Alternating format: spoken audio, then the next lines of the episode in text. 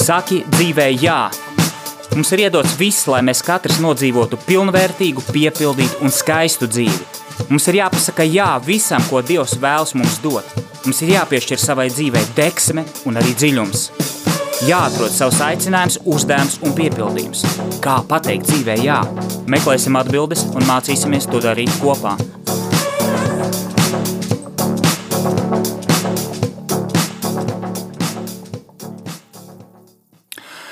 Sveicināti, darbie radio klausītāji! Klāt ir teikšu, mēneša pirmā otrdiena, un uh, ēterā ir raidījums Saki dzīvē jā, ar jums kopā ir Egīls Purviņš. Man prieks kopā ar jums būt, o, lai arī netiekamies katru nedēļu, kā iepriekšējā sezonā, ik, bet ik pēc divām, tik un tā mm, mums ir iespēja sarunāties, domāt, izzināt, meklēt atbildes uz dzīvē svarīgiem jautājumiem, meklēt savai dzīvei dziļumu, jēgu, kā jau jūs džinglā dzirdējāt, piešķirsim savai dzīvei gan deksmi, gan dziļumu, gan jēgu, gan saturu. Lūk, un Šodien, šodien kopā ar jums vēlos aizdomāties par tādu tēmu. Mm, šodienas raidījuma tēma ir māksla dzīvot. Un pirms mēs iegrimstam pārdomās un apcerē un šajos impulsos, atgādini, ja jums ir kāds komentārs vai jums ir kādas um, savs jautājums vai doma, jūs droši varat sazināties uh, ar mums ēterā un uh, īziņa īziņa SMS studijā ir tālrunis 266 77 272, un ja tiešām ir uz sirds, kas sakāms, tad viennozīmīgi varat arī piezvanīt, un tālrunis ir 67 969 131. Lūk, Tāds interesants, uh, interesants um, nosaukums šodienas tēmai - māksla dzīvot. No vienas puses kaut kas poētisks, no otras puses arī skaists. Un jautājums ir, vai mūsu dzīve var būt mākslas darbs, vai mūsu dzīve var būt mākslas šedevrs. Un, protams, mēs zinām, cik dzīve ir dažāda, cik viņa ir raiba, cik viņa ir daudzslāņaina. Mēs redzam, ka dzīvē ir gan skaistums, gan arī uh, tumšās puses, ciešanas, dzīvē ir arī uzplaukums, dzīvē ir uh, sasniegumi, dzīvē ir arī kritumi. Un šīs tēmas nosaukums vairāk ir kā simbols skaistajam un aicinājums ieraudzīt, aicinājums atvērties un piedzīvot visu patieso un skaisto, ko mēs dzīvē, dzīvē varam Jā, ka mēs dzīvē varam pieskarties visam tam patiesajam, skaistajam, ko mēs ieraugam pasaulē, kas ir ap mums, ieraugam paši sevi un ieraugam otrā cilvēkā. Un visbeidzot, protams, patiesais un skaistais, ko mums dāvā Dievs. Lūk, ar tātad māksla dzīvot no manas puses, tas ir, tā nav instrukcija pareizai un skaistai dzīvei mākslas piepildītai, bet gan aicinājums atvērties šim skaistajam un aicinājums ieraudzīt patieso un to piedzīvot. Protams, kad cilvēks piedzimst, eh, diemžēl mums neviens neiedod sagatavot instrukciju, kā nodzīvot laimīgu, panākumiem bagātu mm, dzīvi. Mēs piedzimstam katrs ar savu stāstu, jau ienākot savā dzīvē, mēs, mēs nesam līdzi sev kaut kādu stāstu. Šis stāsts ir mūsu piederība mūsu tautai, piederība mūsu mūsu uh, kultūrai, piederība mūsu ģimenei, mūsu dzimtai, mūsu vecākiem. To visu mazais cilvēks nākot pasaulē nes sevī, un neviens viņam neiedod gatavu instrukciju, mm, kā veidot karjeru, kādu darbu strādāt, kāds būs viņa aicinājums. Uh, cilvēks dzīvi sāk dzīvot Jā, no pilnīgas nulles. Un, un, un mēs zinām, ka liela loma ir bērnībā, vecāku ieguldījumam, draugu, skolotāju tai videi, tai pasaulē, mazajai pasaulē, mazā cilvēka pasaulē, kas viņam ir apkārt. Un cilvēks mācās dzīvot pats. Instrukcija mums netiek dota, un mēs dzīvojam gan kā mēs mākam, gan kā mēs saprotam, gan kāda ir tā mūsu pieredze, un uz tā visa to visu sevi uzņemot, uzsūcot, veidojas, mēs mācāmies veidot savu dzīvi, mācāmies spērt pirmos soļus, mācāmies veidot attiecības, izglītojamies, augam kā personības, meklējam savu aicinājumu, savu vietu zem šīs, zem šīs saules. Un jā, instrukcija mums nav, bet mēs paši rakstam savu instrukciju, savu, savu nolikumu, kā mums dzīvot un kāda, kādu mēs dzīvi vēlamies veidot. Un tā ir sava veida māksla. Tā ir sava veida māksla, un mēs šodien iedziļināsimies, ko tas varbūt tās ir kaut kādi punkti, kuriem tomēr mēs varam pievērst uzmanību. Mēs, protams, nedzīvojam pašplūsmā. Ir cilvēki, kas mūs vēlas atbalstīt. Mums ir mūsu pašu talanti, mūsu intereses, mūsu aicinājums, mūsu pat misijas, teiktu, mūsu dzīvē. Uz tā visa fona, uz tās bagātības, kas mums ir dots, mēs varam jau domāt un skatīties, vai mēs varam, vai mēs varam savu dzīvi veidot kā mākslu, kā prasmi, prasmi dzīvot. Uh, un uh, par mākslu dzīvot um, mēs varam aizdomāties, paskatoties arī uz senajām kultūrām. Senās kultūras, uh, um, eģiptiešu kultūra, seno romiešu kultūra, tie bija seno grieķu kultūra. Tās bija kultūras, kurās, kas bija no vienas puses prom no mūsdienu tehnoloģijām. Mēs dzīvojam laikmetā, kad ir pieejams viss, ir, ir gan izglītības iespējas, darba iespējas, izziņas iespējas, un šīs pēdējās izziņas iespējas pat ir pārsātinātas, mēs dzīvojam pārsātināts informācijas laikmetā, bet senās kultūras, manis minētā gan grieķu, gan eģiptiešu, gan, gan romiešu kultūras, viņas veidoja, bija kaut kāda kaut, kāds, kaut kādas vērtības, ko, viņas, ko šie cilvēki, veidojot savas dzīves, nesa sevī. Un to mēs redzam pēc viņa atstātā mantojuma. Kaut vai paskatoties uz um, grieķu vai eģiptiešu um, mākslas darbiem, antīkās pasaules mākslas darbi. Nu, vis, vis, tā, tuvāk mums nonākuši, saglabājušies. Protams, tās ir skulptūras, tās ir celtnes, vai tās būtu piramīdas, vai uh, eģiptiešu kapenes, vai, vai zīmējumi uz, uz, uz klintīm. Tāpat tās romiešu skulptūras, romiešu arhite, uh, grieķis atvainojas grieķu, un arī, protams, romiešu, ja, bet uh, grieķu arhi, uh, arhitektūra, skulptūras, um, filozofu atstātie darbi. Senās kultūras ir kā liecība uh, par cilvēkiem, kas m, dzīvē centās piešķirt tādu skaistumu, meklēja patiesumu, meklēja, meklēja mm, dziļumu. Ja, jo nebija pieejams internets, nebija iespējams uh, uzzināt, ierakstot atslēgas vārdu vai hashtagu, ierakstot, uh, ierakstot meklētājā, nebija pieejams. Cilvēki meklēja patieso skaisto uh, caur sevi, caur pasaules apceri, caur pasaules novērojumiem un attīstot savas prasmes, attīstot savus talantus, uz kuriem viņiem bija, nu, varētu teikt, jā, aicinājums. Jā. Un līdzās šai mākslai dzīvot, veidot dzīvi, atstājot aiz sevis šo varētu teikt, nemirstīgo mantojumu caur mākslu, cilvēki arī, mēs zinām, ir ceļš senajā Eģiptē, bija arī kultūra, jeb māksla arī mirt. Tātad mēs varam apskatīties ne tikai māksla dzīvot, bet māksla arī mirt, proti ar cieņu aiziet no šīs dzīves. Un, protams, vispožāk man nāk prātā eģiptiešu kapenes ar zīmējumiem, ar šiem visiem reliģiskajiem kultiem, ar rituāliem, ar mistērijām, ka cilvēks aiziet ar ticību, ka šī dzīve iespējams nebeidzās, kad ir kaut kāds turpinājums, un tātad, ja šai dzīvē ir turpinājums, tātad man ir ar cieņu jāizturas gan pret dzīvi, gan arī pret nāvi. Jo nāve, kas tad ir nāve, mēs zinām, tā ir pārēja. Un arī antīkajā pasaulē cilvēki skatījās dažādi, gan mitoloģiski, gan atbilstoši reliģiskām pārliecībām, tradīcijām, skatījās uz nāvi kā uz pārēju, uz citu valstību, uz citu zemi, uz citu, citu pasauli. Un, protams, mēs zinām, ka antīkajā pasaulē cilvēki centās varbūt paņemt tā kā līdzi kaut ko no šīs dzīves. Tātad tā bija vesela māksla. Es neesmu eksperts šajā visā, man ir brīnišķīgi pasniedzēji, kas šajā orientējās un varētu lekcijas te lasīt, bet es gribu vērst jūsu uzmanību, kad senajās kultūrās cilvēki mācēja bija šī māksla dzīvot un māksla arī mirt. Vai mēs mūsdienās mākam dzīvot, vai mēs, mūs, mēs dzīvi veidojam kā mākslu, proti kaut ko tādu, kas paliks aiz mums, mūsu attiecībās, mūsu attieksmē, mūsu ieguldītajā darbā, vai mēs skrienam bieži vien, vai diemžēl vāvers ritenī, un diena nomaina dienu, nedēļa nomaina nedēļu, gads nomaina gadu. Dzīvojam šajā ritenī, un par kādu mākslu te var runāt, ja, ja man ir jāiz, jāizdzīvo, ja man nav darbs, ja man varbūt ir kāda slimība, ja man iespējams ir finansiāls problēmas vai varbūt kaut kādi attiecību saspīlējumi, par kādu mākslu te varētu filozofēt.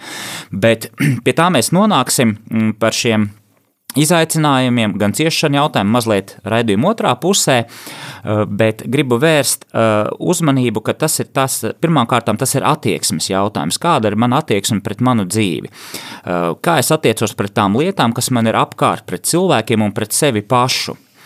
Tā nav tikai kaut kāda prasme vai, vai, vai, vai uh, iemaņas. Uh, veidot dzīvi kā mākslas darbu, kā jau es teicu, tas ir simbols visam skaistajam un aicinājums ieraudzīt, atvērties, atvērties un piedzīvot gan visu patieso, gan skaisto. Par mākslu dzīvot runā viena nozare, un mums par to ir bijis arī raidījums iepriekšējā sezonā, un tā ir ētika. Ētika ir, varētu teikt, tā ir mācība par mākslu dzīvot. Proti, ētika runā par to, ka ir kaut kādi likumi, ir kaut kāda kārtība, un ja cilvēks mācās, ir kaut kādas vērtības, un ētika runā par to, kā mēs varam šīs vērtības, šīs sapratnes iedzīvināt savā dzīvē. Proti, ētika ir savā ziņā praktiska, praktiska, mm, praktisks virziens, kas, kas uzdod jautājumu, ja, ja pastāv labais, ja pastāv kārtība, ja pastāv kaut kādi likumi, tad kā tad es viņus varu izdzīvot? Uh, aicinu tam pievērst uzmanību par ētiku, es šodien tiešām nerunāšu, bet uh, šajā sakarā es nevaru vienkārši paiet garām, jo ētika risina šos jautājumus jautājums. Tātad, kā tad visu labo, patieso, skaisto es varu iedzīvināt savā dzīvē? Un tad rodas dažādi ētiski jautājumi attieksmē pret dzīvību, pret cilvēka cieņu. Tie ir arī filozofiski jautājumi, bet ētika, protams, risina šos jautājumus praktiskā veidā, kā tad mēs to varam iedzīvināt savā dzīvē. Mm. Visvalds Klīve, tāds um, filozofs, mūsu pašu ir sarakstījis brīnišķīgas grāmatas uh, par ētiku, par, par, par ticību, par mākslu arī dzīvot. Ja? Aicinu pameklēt bibliotekās, un, un es domāju, ka jūs atradīsiet ļoti daudz brīnišķīgas, skaistas atbildes. Uh, jā, senās kultūras uh, un ētika mm, norāda uz vienu, vienu virzienu. Un arī mūsu apcerē, ja mēs skatāmies uz dzīvi, ja mēs skatāmies, apceram savu dzīvi, apceram visumu, kā vis, visas lietas ir radītas, kā Dievs, kā mēs sakam, būdami ticīgi cilvēki, kā Dievs ir iekārtojis šo pasauli, um, mēs ieraugām, mm, ka visā pastāv zināma kārtība. Uh, un šī dieva dibinātā kārtība, jā, viņai ir visumā, viņai ir dabā, viņai vajadzētu būt arī sabiedrībā. Un uh, arī šie manis minēti antīkās kultūru, kultūru cilvēki, filozofi, mākslinieki centās šo kārtību ieraudzīt un viņu atspoguļot. Un es domāju, ka mūsu arī uzdevums Mūsdienu cilvēka ir uzdevums ir aizdomāties, ieraudzīt un izzināt kārtību, kārtību, kas ir dota no paša radītāja, kas pastāv nemainīgi no, no uh, pasaules ritējuma, no sabiedrības problēmām. Uh, es gribu ar to pateikt, ka visā pastāv kārtība. Visā pastāv kārtība, un varbūt mēs citreiz to aizmirstam, bet ja mēs apceram sevi, ja mēs paskatāmies uh, mazliet no malas uz savu dzīvi, uz sevi pašu, ja mēs Tagad pavasaris brīnišķīgs laiks, es tieši braucu uz rādio, es skatos, kā koki lēnām plaukst, zied, zālīte parādās. Mm, atkal ir atnācis pavasaris, un jau ar vienu kāju mēs tiecamies pretī vasarai. Tā ir zināma kārtība. Tā ir dabas kārtība. Tāpat tās kārtība arī mēs zinām, ir garīgajā dzīvē, ir likumi kaut kādi, mm, ir mm, kārtība, kas liek mums ar bību skatīties uz, uz augstāko, uz dievu, ar bību. Uh, domāt par svētumu, apcerēt svētumu, dieva svētumu, garīgās pasaules svētumu. Varbūt mēs citreiz aizmirstam, varbūt tas mums citreiz liekas pašsaprotam, nu, re, kur ir baznīca, re, kur ir mm, tagad tik ļoti dažādas garīgās eh, subkultūras un, un garīgie tādi um, gan pseido, gan dažādi ja, strāvojumi sabiedrībā tiek gan tirgoti, gan piedāvāti, mūs, mūsos ir pazudusi zināma bība pret svētumu, pret augstāko, pret sakrālo. Mums liekas pašsaprotami ieiet baznīcā, nu jā, vai ap, um, ja ārpus baznīcas piedalīties dažādās, varbūt tās nezinu, mm, kādas gan tagad aktivitātes, es pat nezinu, varētu nosaukt, ja, kur gan cilvēki nepiedalās, meklē garīgumu, ja, bet, bet liekas, garīgums ir tik pieejams šajā pārpiesātinātajā laikmetā, kad mēs, mēs nu, varam rekord nopirkt uh, garīguma kursu, mm, sajūtu kursu, labsajūtu, garīgās labsajūtas kursus iziet, ja, tur ar dažādiem gongiem, teiņām, uh, smarškociņiem, vīra gudrākiem, ja, un mēs būsim garīgi. Ja. Bet vai mums, mēs nepazaudējam šajā visā tādā piesātinātajā gan garīgumā, gan informācijā, nepazaudējam šo sakrālo Bijība pret sakrālo, bijība pret šo kārtību, kas pastāv un kas ir atstāta arī no senajām kultūrām, no, no bibliskās kultūras, ko mēs lasām lasam rakstos, vecajā derībā, kad cilvēki, gan šī jūdu tauta, ja, gan vispār antīkā pasaule, viņi respektēja, neatkarīgi no tradīcijām, no ieradumiem, viņi respektēja šo garīgo kārtību, šo sakrālo, bija zināma bijība. Jā, bija daudz dievība un, un bija kari par, par elga dievību un, un, un pret un par, jā, tas ir, tas ir cits jautājums, bet cilvēki jebkurā gadījumā tiecās un viņiem bija kaut kāda bība, jā, kaut vai jā, nāk prātā tas ciltis, jā, kas karoja, kurš dievs ir stiprāks, jā, bet tā tad jebkurā gadījumā bija kaut kāda doma, jā, kad ir kaut kas augstāks un tas var, varbūt mans dievs ir stiprāks par tavēju, jā, un Izraels izceļās ar savu, ar savu, savu dievu, kas ir pārāks par visu un kas pārsteidz jebkuru, jebkuru mm, cilts vai pagāniskās kultūras dievu, ja, jo viņš ir dzīves, viņš ir klātesošs. Un, un, un, un parādās bība, parādās bība, šī, šī patiesā dzīvā, klātesošā, mm, varbūt baisā, baisā dieva, kuru mēs nepazīstam, baiss, jo viņš ir, mēs viņu nepazīstam, jo mēs cilvēkam ir dabiski, instinktīvi cilvēks baidās no tā, kas viņam ir nepazīstams, baisā dieva priekšā. Bet šis dievs nāk ar, pie mums ar kaut kādu kārtību. Pirmkārt, garīgās pasaules kārtību, mēs redzam, pirmais nāk prātā kārtība ir ēdens dārzā.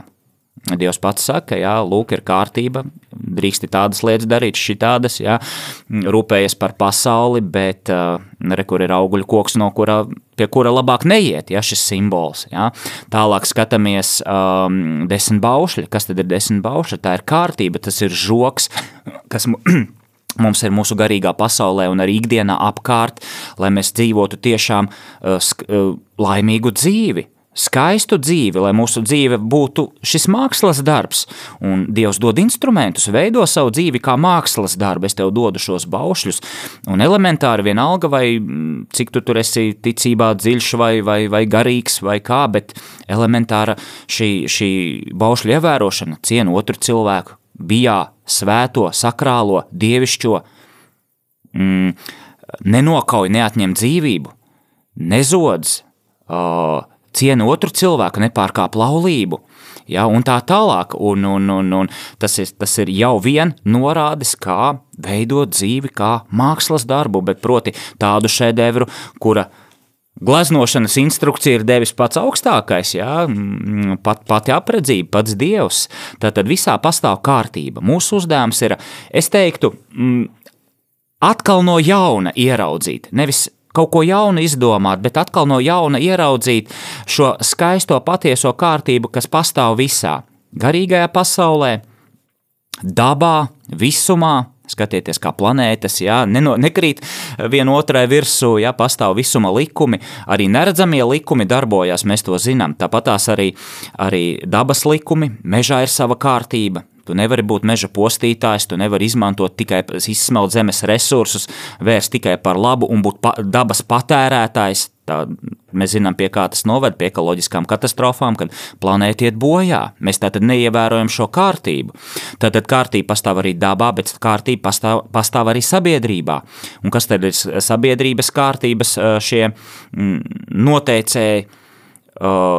Tie ir likumi, tāpēc pastāv likumi sabiedrības likumi, cieņa vienam pret otru, pret dažā, cieņa pret dažādību, pret kultūras, reliģisko, etnisko piedarību. Tie ir likumi. Tāpat tās ir valsts likumdošana, kas ir ļoti līdzīga tāds atvasinājums, es varētu teikt, desmit baušļiem, cienīt otra cilvēka dzīvību, darīt savu darbu, strādāt, saņemt cien, cienīgu algu, kas ir taisnīgi veidot kopā sabiedrību, labāk iesaistīties eh, kopīgās sabiedriskās, līdzatbild, būt līdzatbildīgam sabiedriskās aktivitātēs, vēlēšanās. Tas sestdien bija talka, ja, ceru, ka jūs piedalījāties, ja. ja, kas ir patiesībā brīnišķīga tradīcija, brīnišķīga, brīnišķīga iespēja vingrināties uh, taisnīguma izpratnē, kad es esmu daļa no valsts, kurā es dzīvoju, un man ir jārūpēs arī par ekoloģiju. Tad pastāv kārtība arī valstī caur likumdošanu, caur sabiedriskiem pienākumiem, un visbeidzot attiecībās un cilvēkā pašā. Kārtība pastāv arī attiecībās starp cilvēkiem, ir laulības saites, ir draudzības saites, ir attiecības starp vecākiem un bērnu. Tā ir mīlestības attiecības, cieņas attiecības, pieklājības, laipnības, draudzības, iejūtības attiecības. Tā, tā viss, tas viss liecina par kārtību. Un, ja mēs šādi skatāmies uz cilvēku, un uz sabiedrību un uz uh, pasauli, mēs ieraugām, ka šī kārtība mūs noved pie kaut kā skaista. Ar šo visu garo savu runu uh, par, par kārtību mēs ieraugām, ka uh, šī kārtība ir skaista un viņa ir pastāvējusi neatkarīgi no tā, kas notiek pasaulē. Tā ir tā nemainīgā lietu kārtība. Un, diemžēl cilvēks ir vienīgais, kurš šo kārtību grib izjaukt. Viņš grib varbūt pārspīlēt pa daudz, ņemt uh, no šīs kārtības. Un tad, kad cilvēks pieliek savas piepūles tur, kur viņas nav vajadzīgas, šī kārtība zūd un mēs pazaudējam skaisto, mēs pazaudējam bijību pret sakrālo, mēs izsmeļam dabas resursus un mēs visbeidzot, jāsaka tā, prasti sačakarējam arī attiecības viens ar otru, ja? gan draudzībā, gan diemžēl arī valstu un pasaules līmenī, un kā mēs to redzam konfliktos, un šis tuvais konflikts, kas ir mums blakus, tas ir Ukrainas konflikts, ka cilvēku vairs neredz kārtību, nezin, kas ir cilvēka cieņu, Viņi ir aizgājuši prom no šīs dabiskās kārtības, ko pats Dievs ir devis mums, un viņi ir apmaldījušies, prāts ir aptumšojies, sirds ir kļuvusi par akmeni, viņa ir kļuvusi augsta, un mēs sākam viens ar otru vienkārši karot, jo tas otrs blakus cilvēks, es viņu vairs necienu, man vajag no viņa tikt vaļā.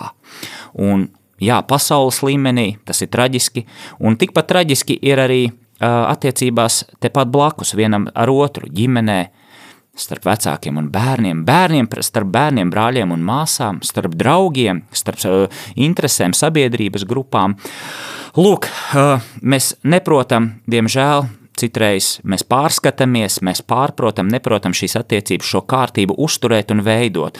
Un šajā gadījumā, protams, mēs nevaram runāt par dzīvi kā mākslas darbu, proti par kaut ko tādu skaistu, piepildītu, dziļu uh, un patiesu. Uh, jā, uh, protams, dabiski cilvēks tiecas pēc harmonijas un sakārtotības. Tā ir dabiska tieksme. Lai arī cik cilvēks varbūt tās uh, būtu prātā vai sirdī aptumšots, viņā ir kaut kāda uh, tieksme pēc šīs harmonijas, sakārtotības vai pēc uh, kārtības elementārās lietās. Uh, lai vai cik varbūt ļauns cilvēks būtu, bet viņš sakārto savu istabu. Ja? Viņā ir kaut kāds iedīklis, kas viņam liek lietas nolikt citreiz savā vietā. un, un, un, un, un, un tā ir mūsu dabiskā tieksme pēc harmonijas. Un šī harmonija, šī sakārtotība uh, izpaužās elementāri mūsu attieksmē pret lietām, pret um, istabas kārtību, pret uh, pienākumiem, pret uh, rūpēm par tām lietām, kas mums ir uzticētas. Un tas ir dabiski. Tā ir tā dabiskā harmonija, uh, jeb tieksme pēc harmonijas un sakārtotības, kas katrā no mums ir ielikt, ielikta. Um, Piekritīsiet, taču, kad mēs visi vēlamies skaidru un sakārtotu dzīvi?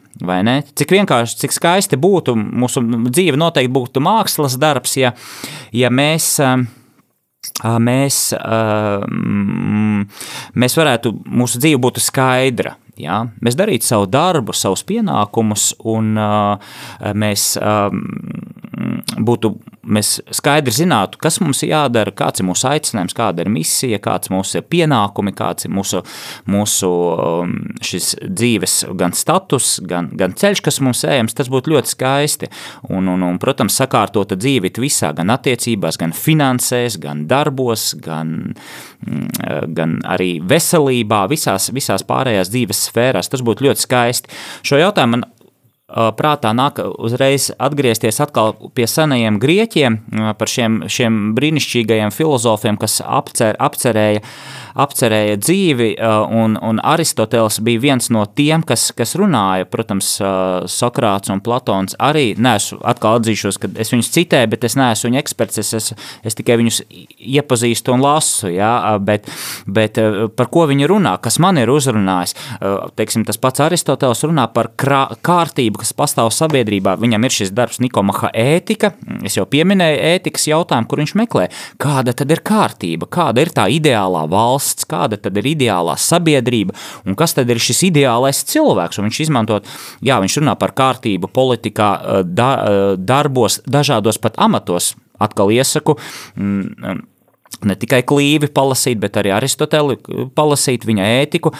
Viņš runā par, par, par, jā, par dažādu amatu kārtību. Ir karavīrs, ir amatnieks, un katram ir savs aicinājums. Un, kad tu tā skaties, kad tu lasi Aristoteli, mm, bez tādiem mūsdienu varbūt piemaisījumiem, tu atgriezies divu tūkstošu gadu atpakaļ, un tu redzi, ka jā, tāda zinām arī tīrība un skaidrība ir dzīvē, kad cilvēks skatās, skatās, jā, ja man ir amats, es esmu amatnieks, tad es daru savu darbu godīgi, pēc uh, vis, savas sirdsapziņas, es attīstu savu talantu, es pilnveidojos, es ar to arī pelnu iztiku, es ar savu darbu veidoja pasauli labāk. Vai karavīrs, kurš, kurš vingrinās kara mākslā, kurš ir gatavs aizstāvēt, nedod Dievs, protams, aizstāvēt savu dzimteni, bet uh, kara, karavīra amats ir arī kaut kas cēls. Tas ir simbols arī vīrišķībai un drosmei, izturībai. Proti, ir, ir cilvēki, kas izvēlot, izvēloties karavīra amatu, viņi kalpo, uh, sniedz mums tādu pārliecību un drošību, ka ir cilvēki, kas, kas kas jebkurā uh, nedod Dievs uh, pasaules dzīves situācijā būs gatavi aizstāvēt mūsu zemi. Viņi ir simboli nesēji valsts, nācijas spēkam, pārliecībai.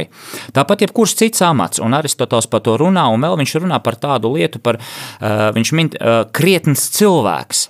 Proti, cilvēks, kurš ir godīgs, kurš ir skaidrs savā sirdī, kurš nemanipulē ar citiem, un viņš uzdod jautājumus, vai sabiedrībā var būt krietni cilvēki, vai politikā var būt krietni cilvēki. Proti, tādi cilvēki, kas nevis uh, dzīvo savam labumam, bet dzīvo. Uh, ar savu, savu darbu, ar savu kalpošanu, nu, jā, kalpo, kalpo otram cilvēkam, kalpo sabiedrībai. Un uh, krietnuma, krietnuma šis vārds, ja tāds sen vārds, mēs mūsdienās pat diez vai izmantojam šo vārdu, būt krietnam cilvēkam. Krietns cilvēks ir likumisks cilvēks, un, un ja mēs lasām Aristotelu, tad krietnais cilvēks ir tas līderis. Proti, līderis tāds cilvēks, kurš ar savu raksturu, ar savu dzīves kvalitāti, ar savu piemēru, ar savu uh, izaugsmi iedvesmo un atbalsta citus cilvēkus uz izaugsmu, pilnveidošanos un kopā veido šo sabiedrību labāku. Nu, redz, lasot Aristoteļa ētiku, mēs nonākam pie tā, ka var būt sakārtota, skaista dzīve, jeb dzīve kā kā šis mākslas darbs, kā es simboliski šie, šo raidījumu šodien, šodien uh, nodēvēju. Lūk, aizdomāsimies tālāk par mākslu, par spēju dzīvot, piešķirot šo dzīvei dziļumu, saturu un cildenumu pēc maza brīža, bet tagad gan maza muzikāla pauze. Es jau iepriekšējos raidījums jūs gurdināju ar renesanses polifonisko mūziku, bet es domāju, ja mēs šodien runājam par, par dzīvi kā mākslu, ieraudzīt šo skaisto un patieso dzīvē, tad, tad, tad uh, gribu jums piedāvāt uh, Gabriela Forē vienu brīnišķīgu skaņdarbu, uh, Un, un, un, un, un, kas man liekas, mūsu plūdumam, mūsu tādam, tādai sarunas, sarunai piešķirtu to vajadzīgo noskaņu. Tā, ejam muzikālā pauzē.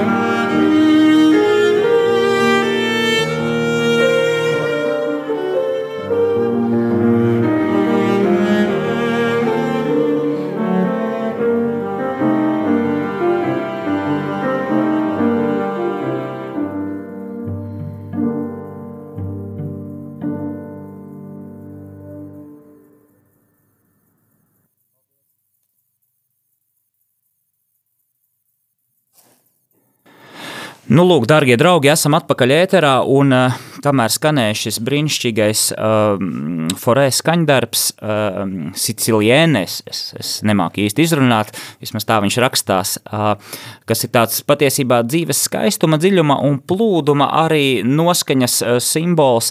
Mums zvanīja kāda klausītāja, un kur arī teica, kad ir um, klausītāji jau gados, Un, un, un ir veselības arī, arī problēmas, un, un tiešām, lai Dievs, Dievs palīdz un, un, un, un lai stiprina, un, un, un klausītāji teica, ka viņas sirdī, viņas dzīve arī, arī ir ļoti bagāta bijusi, un, un, un ir liels mantojums, garīgais pieredzes mantojums, un, un cik ļoti skaisti es saku, pateicos, pateicos šai klausītājai, jo mm, tas skaistums, ko katrs cilvēks, ir ceļš cilvēks, kurš jau ir mūža, ja tā var, ja drīkst tā teikt, mūža nogalē, mūža otrā pusē, uh, um, ir sakrājis, uh, nu, protams, norāda uz cilvēka briedumu, un, un te jau parādās tas, kas, tas, ko mēs uh, šodien apceram, runājam, proti uh, cilvēks, kurš, kuram ir dzīvē briedums, kurš ir uh, nes garīgo mantojumu, bagāžu caur savu, savu pieredzi, caur visu skaisto, arī caur ciešanām, bez kā dzīve nav iespējama, ja? caur pārbaudījumiem, eh, spēj nodot šo skaistumu citiem cilvēkiem. Un tas ir ļoti brīnišķīgi, un tas ir ļoti, ļoti ja es teiksim, varbūt tās dalos ar savām apcerēm un saviem pusmūža cilvēka novērojumiem, tad, tad viennozīmīgi es zinu, ka radio Marija klausītāji jau ir tādi, kas ir gados un, un, un kas, pateicoties radio Marija, arī savu garīgo dzīvi uh, uztur un un, un, un, un, un piedalās garīgajā dzīvē attālināti, ja, un kas patiesībā radījuma arī kalpojums atbalstīt cilvēkus viņu garīgajā dzīvē, neatkarīgi, kur viņi Latvijā atrastos. Ja. Tad šie gados cilvēki ir brīnišķīgi šie uh, dzīves mākslas nesēji. Tā ir tā gudrība, ko mēs, ko mēs lasām pasakās, un arī, arī, arī ne tikai pasakās šie, šie vecie, nu, jā, man nāk pasakas prātā, ja, kur ir kād, kāda, uh, kāds vectētiņš vai vecmāmiņa, ja, un ir, ir mazmeitiņa vai kāda sērdienīte, kur, un, un kurai tiek nodota šī dzīves gudrība, un, un tāpat tās arī rakstos mēs lasām šie, šie, šie pravieši, šie gudrie cilvēki, šie viedie cilvēki, kas, kas ir dzīvi jau izdzīvojuši, viņi var nodot savu mantojumu jaunai paudzei, lai jaunā paudze mācītos vai vismaz aizdomātos un saprastu tās kļūdas, kuras varbūt, uz, jeb tie grābekļi, uz kuriem varbūt nevajadzētu kāpt. Un pirmkārt, tās nav kaut kādas, ne tikai tās ir kaut kādas praktiskās lietas, kā tur pareizi pierādziņus cept, lai viņi nepiedeg vai būtu garšīgi, bet tā ir tā sirdsgudrība. Un es tiešām pateicos gan klausītāji, gan arī, gan arī vecās paudzes cilvēkiem, kas ir radio arī klausītāji, kas mm, vēlas, vēlas dalīties, dalīties ar savu sirds mantojumu, ar savu, ar savu gara bagātību, jo tā ir gara bagātība. Un tiešām, tiešām mm, es novēlu katram, katram dzīves laikā uzkrāt šo briedumu, kuru mēs vēlāk varam nodot arī citiem saviem bērniem, saviem mazbērniem. Iespējams, arī mans raidījums ir dalīšanās ar kaut kādu manu, manu sapratni par dzīvi, varbūt tiesa nepilnīgu, jā, bet, bet, bet no, no, sirds, no sirds es vēlos dalīties šajā raidījumā nevis ar pamācībām, instrukcijām, bet ar visu to labāko, ko esmu sapratis, ko es mācos pats un, un, un kas, kas manā sirdī ir. Nu, lūk, tā. Mm, Māksla dzīv, dzīvot, jā, līdz ar to mēs varam runāt par mākslu dzīvot, spēju piešķirt dzīvē dziļumu, saturu un cildenumu. Un vēl viena lieta, tā kā mēs jau raidījām otrā puse, vēl daži punkti, kuriem es gribu pieskarties, ir, uh, kad mēs ieraugam dzīvi kā dziļu, skaistu, iespēju, mēs saprotam, mēs sākam cienīt. Mēs cienīt. Cieņa tā ir spēja ieraudzīt, ka viss, kas mums ir dots, ir dāvana. Proti tās lietas, cilvēki, vecāki, bērni, mūsu amats, mūsu, mūsu iekšējā pasaule, arī valsts, kurā mēs dzīvojam, patiesībā tas viss ir brīnišķīga dāvana. Apkārtējā radītā pasaule ir brīnišķīga dāvana, dāvana un kad mēs to ieraugam, Un tā ir nepelnīta dāvana, un tas ir noslēpums. Ja? Mēs nevaram izskaidrot, kāpēc tieši tā vai, vai kā savādāk. Mēs sākam cienīt šīs lietas. Cieņa tā ir atvērtība, spēja saņemt šīs dāvanas, dzīves dāvanas, um, cilvēka spēja pie, cienīt un pieņemt otru cilvēku kā dāvanu, un mēs nonākam pie skaistuma apceres. Skaistums cilvēkā, pasaulē, mūsos pašos, jā, garīgajā pasaulē, un te ir jārunā jau par pašu mākslu. Uh, pati māksla kas tad ir šī māksla? Mākslā ir spēja atspoguļot savu dvēseli, un man liekas, lielākā daļa mākslinieku ir tie, kas atspoguļo to visu skaisto, patieso, ko viņi ir sapratuši, nesuši sava veida arī mūsu sarunas. Mūsu raidījums ir mazs mākslas darbs, kurā es cenšos kopā ar jums atspoguļot visu to, kas manā dvēselē ir.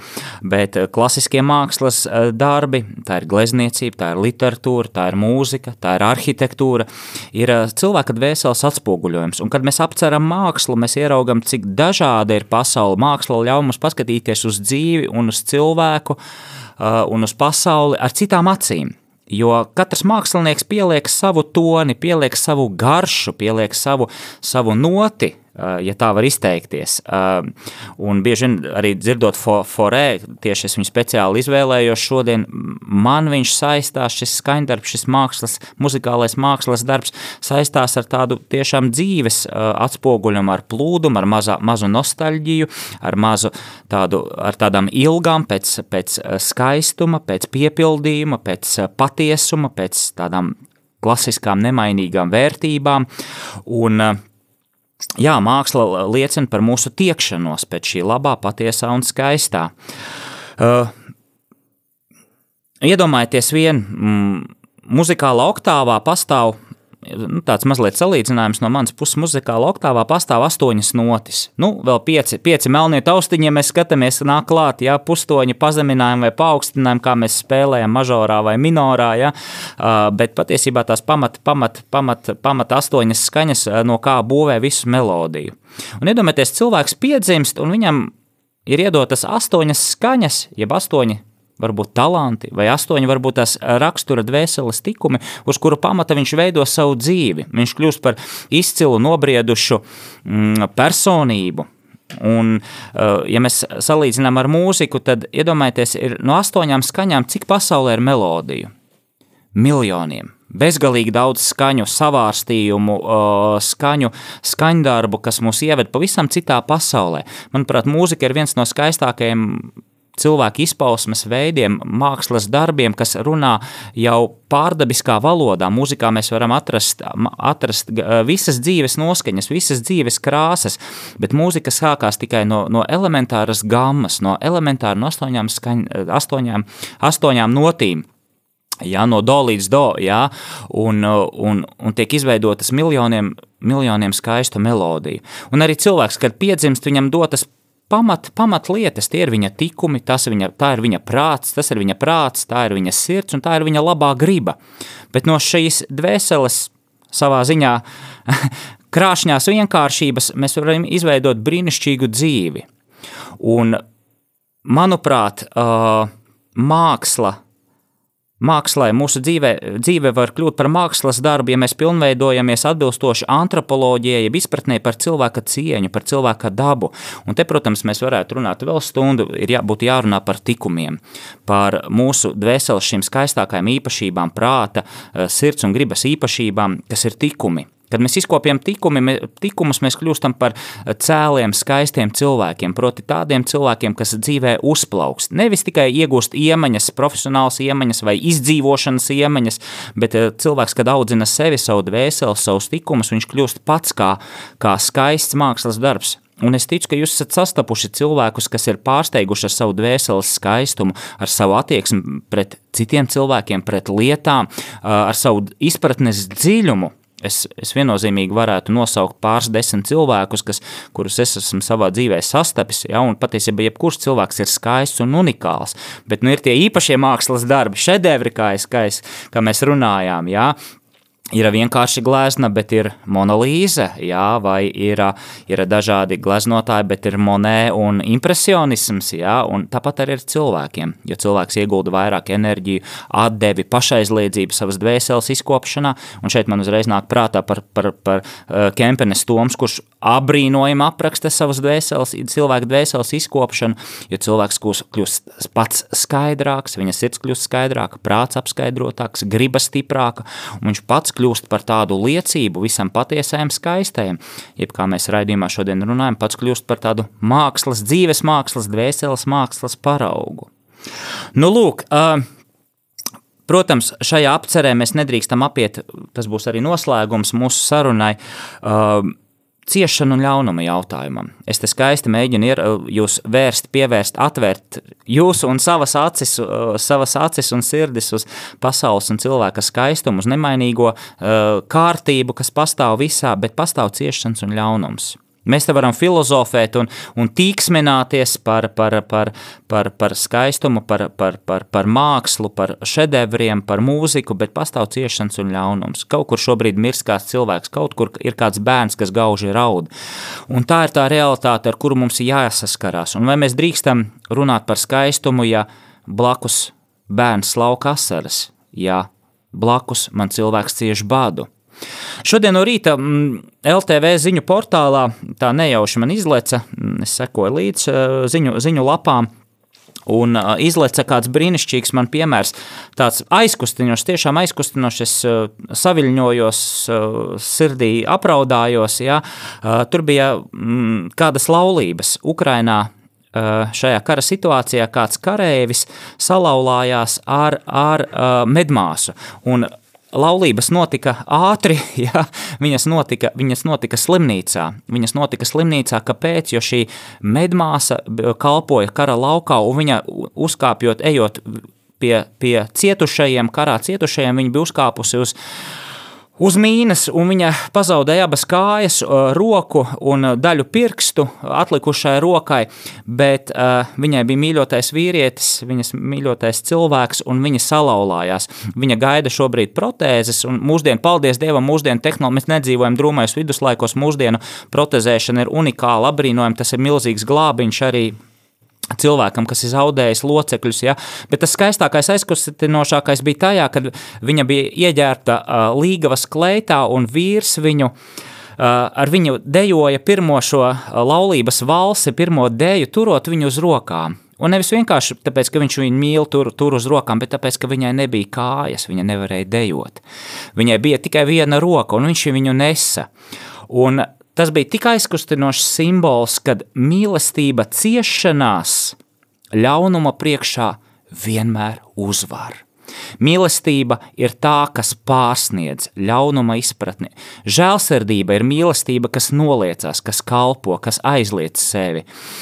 Un, uh, es neminēšu tagad tieši kaut kādus kristīgus piemērus vai Kristu, kurš to jūs visu brīnišķīgi zinat. Jā, Kristus ir tas augstākais punkts. Dieva, ja, ja jau pat Dieva dēls spēja atdot mūs par savu dzīvību, par mums, ja, tad, tad šādi mīlestības piemēri, kā šis karēvis ar šo med, med nu, es nezinu, doktori vai kas kāds tas amats bija, medicīnas darbiniece dejoja slimnīcas palātā, turot uz rokām viņu, ja, tad tas ir pierādījums tam, ka skaistais, patiesais un mīlestība uzvar tik un tā.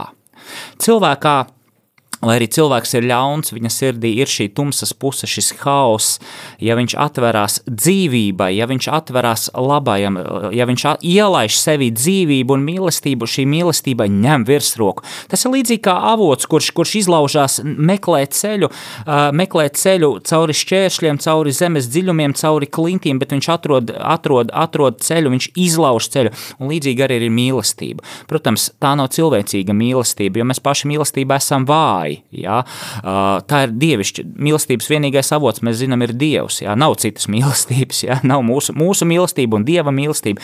Tā mīlestība, ar kuru mēs mīlam citus cilvēkus, ir Dieva mīlestība. Viņš ir tas, kurš ir ielicis mūsu savā sirdī, spēju mīlēt. Līdz ar to šī mīlestība ir stiprāka par nāvi, par karu, par ciešanām, un šis mans rīta piemērs uh, tam bija apliecinājums. Un es domāju, nu jā, raidījumā noteikti mēs par to runāsim, jo, jo te parādās šis dzīves skaistums, šī māksla dzīvot. Māksla dzīvot slēpjas mākslā mīlēt, proti aizliegt sevi, atvērties dzīvībai, atvērties patiesībai, atvērties mīlestībai, kas kā avots mūs pārveidos neatkarīgi. Man var būt rokas, man, man var būt nebūt kājas, Es, man var būt problēmas ar veselību, man, es varu būt ciešanās kā kā, kā, kā jebkurš cilvēks pārdzīvo ciešanas zaudējumus, bet ja manī es saglabāšu mīlestību, ja es būšu atvērts dzīvībai, tad viņa viennozīmīgi uzvarēs. Un tāds ir nemainīgais visuma Dieva dotais likums, kārtības likums, kā labais un patiesais vienmēr uzvar, neatkarīgi ne no kā, ne no, ne, neatkarīgi no, ne no, ne no, neatkarīgi ne no kā, no, ne, no tā, kas notiek pasaulē, vai, vai, vai, vai kaut kādos procesos, vai kaut kādos cilvēki, mm, nezinu, ambīciju rezultātā, ciešanās, jā, mīlestība, labais vienmēr uzvar. Tas ir nemainīgs likums. Lūk, ar šīm pārdomām es šodien noslēdzu, un varbūt tās tādi jautājumi izaugsmē, ja tā var teikt, atstāšu, atstāšu jums šos jautājumus. Ja tava dzīve būtu dārs, kādu tu viņu veidotu, kādus ziedus tu stādītu, kas būtu šie ziedi, kādas puķas augtu tavā dārzā. Tas būtu prieka puķis, mīlestības, laipnības puķis, ziedi. Ja tava dzīve būtu glezna, kādu tu gleznotu, kādas krāsas tu tajā ieliktu, kādā stilā, vai tas būtu impresionisms, romantisms, klasicisms, ska skaidrā realitāte, uzglezno savu dzīvi kā mākslas darbu. Ja tava mīlestība, ja tava dzīve būtu skaņdarbs, kā viņš skanētu? Atrodi varbūt melodiju, kurš, kura atspoguļo tavu dzīvi. Atrodi melodiju, kā līdzīgi mēs šodien klausījāmies forē, tā ir mana, manas dzīves melodija. Atrodi melodiju, kas liecinātu par tavu dzīvi, kurā būtu gan dramatiskums, gan poētiskums, gan skaistums, gan kāpumi, gan kritumi, gan tumsa, gan, gan ekstātiska gaisma nodziedi savu dziesmu. Un tava dzīve būs skaista, mīlestības piepildīta, un tad tu varēsi teikt, ka tava dzīve ir bijusi vai ir mākslas darbs. Lai jums brīnišķīgas, brīnišķīga nedēļas otrā puse, nedēļas nogale. Līdz nākamajai reizei no sirds pateicos. Paldies jums, mīļie radio klausītāji! Saki dzīvē jā! Mums ir iedots viss, lai mēs katrs nodzīvotu pilnvērtīgu, piepildītu un skaistu dzīvi. Mums ir jāpasaka jā visam, ko Dievs vēlas mums dot. Mums ir jāpiešķir savai dzīvei deksme un arī dziļums. Jāatrod savs aicinājums, uzdevums un piepildījums. Kā pateikt dzīvē jā? Meklēsim atbildes un mācīsimies to darīt kopā.